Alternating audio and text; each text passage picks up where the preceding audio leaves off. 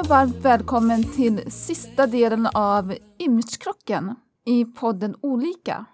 Vardagssnyggt. Vad är det för mig? Jag vill helt enkelt trivas i mina kläder och kunna känna att det är åldersadekvat, propert och i mina ögon snyggt. Det är dessutom något som är personligt, något som är eget, något som färgar min dagskänsla och i min inom citationstecken afrikanska barndom. Jag vill inte tillhöra ytterligheterna i någon stil. Men jag vill inte heller smälta in totalt.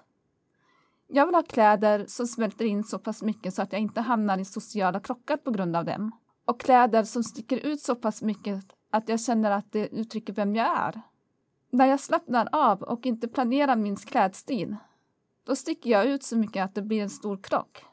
Jag vill komma bort från känslan av att vara en utomjording när det kommer till den egna stilen. Men också komma bort från känslan av att förväntningarna över att smälta in. Med min syn på vardagslighet vill jag nog hinta om att jag inte alltid kommer att smälta in. Men vill jag heller inte klä mig i ett autismmanifest där jag är emot allt och alla. Förr i världen levde jag lite för mycket på ärvda kläder. Och det var jättebra för jag hade verkligen inte pengar att handla kläder för då.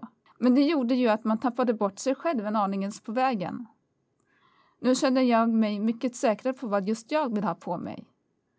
Visst, man kan lyssna på vad omgivningen har att säga om en stil. Men jag väljer att lyssna mindre och mindre för då mår jag bättre. Folk får tycka vad de vill om min färgglada stil. Oftast får jag komplimanger för att jag vågar ha färg. Och det är roligt. Då kan jag lättare slappna av. Om jag vet att jag bara utgår från mig själv när jag väljer mina kläder så är det lättare att känna sig vardagssnygg. Då kläder har visat sig vara ett större intresse hos mig än jag först trodde har jag insett att det är väldigt mycket svårare att inte köpa kläder. Men jag tycker att jag har gjort stora framsteg ändå, som blivit medveten om att man faktiskt inte behöver köpa kläder eller lika mycket som man gjorde innan. Att man kan klara sig länge på samma kläder än bara en vecka till exempel. Och att jag kan köpa mer miljövänliga kläder med mer hållbart tänk bakom. Flera av mina kläder i min garderob har hängt med i över tre års tid nu. Så kanske jag når målet att ha kläderna i fem år, även om jag inte köper nytt jämt. Tack vare boken Modemanifestet blev jag ju så otroligt mycket mer medveten om klädindustrin och nytänk kring kläder. Att faktiskt behålla kläderna längre och variera med det man redan har. Jag tyckte jag köpte kläder mycket oftare tidigare. Fördelen med att bo litet, man har inte hur mycket klädplats som helst. När man som jag lever i en gråzon när det kommer till klädkoder har modeböcker varit till en extremt stor hjälp inspirationsmässigt. Utan de riktlinjerna hade det varit ännu knepigare att hitta sin egen vardagssnygghet. Ett delmål jag hade med mitt perspektiv på vardagssnygghet var att bli mer nöjd med de kläder jag har. Att inte konstant jaga efter sista skriket. Vägen till min filosofi kring vardagssnyggt har inte bara utgått från klädesplaggen i sig jag har fått jobba väldigt mycket på mig själv på vägen.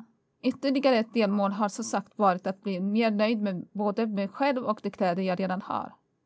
Genom att bli mer nöjd tyckte jag att ribban för hållbar, må, hållbara mål för min klädhållning har lagt sig på en mer rimlig och sund nivå.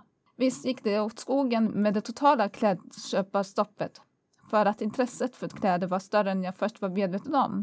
Men jag tycker ändå att jag har gjort stora framsteg när det kommer till mer hållbarhetstänk kring kläder. Nu använder jag kläderna betydligt längre och jag krokar i inköp så att det verkligen ska hålla och funka längre. En grej som jag ofta kör med är att försöka kombinera nya köp med kläder jag redan har. Och just ordet kombination sammanfattar nog min garderobsresa väldigt väl. En kombination av hållbarhetstänk kopplat till sin egna stil. Min garderobsresa handlade om att komma ut med mina diagnoser i offentligheten och resorna dit. Det här var min resa. Hoppas att du gillade den. Tack och hej!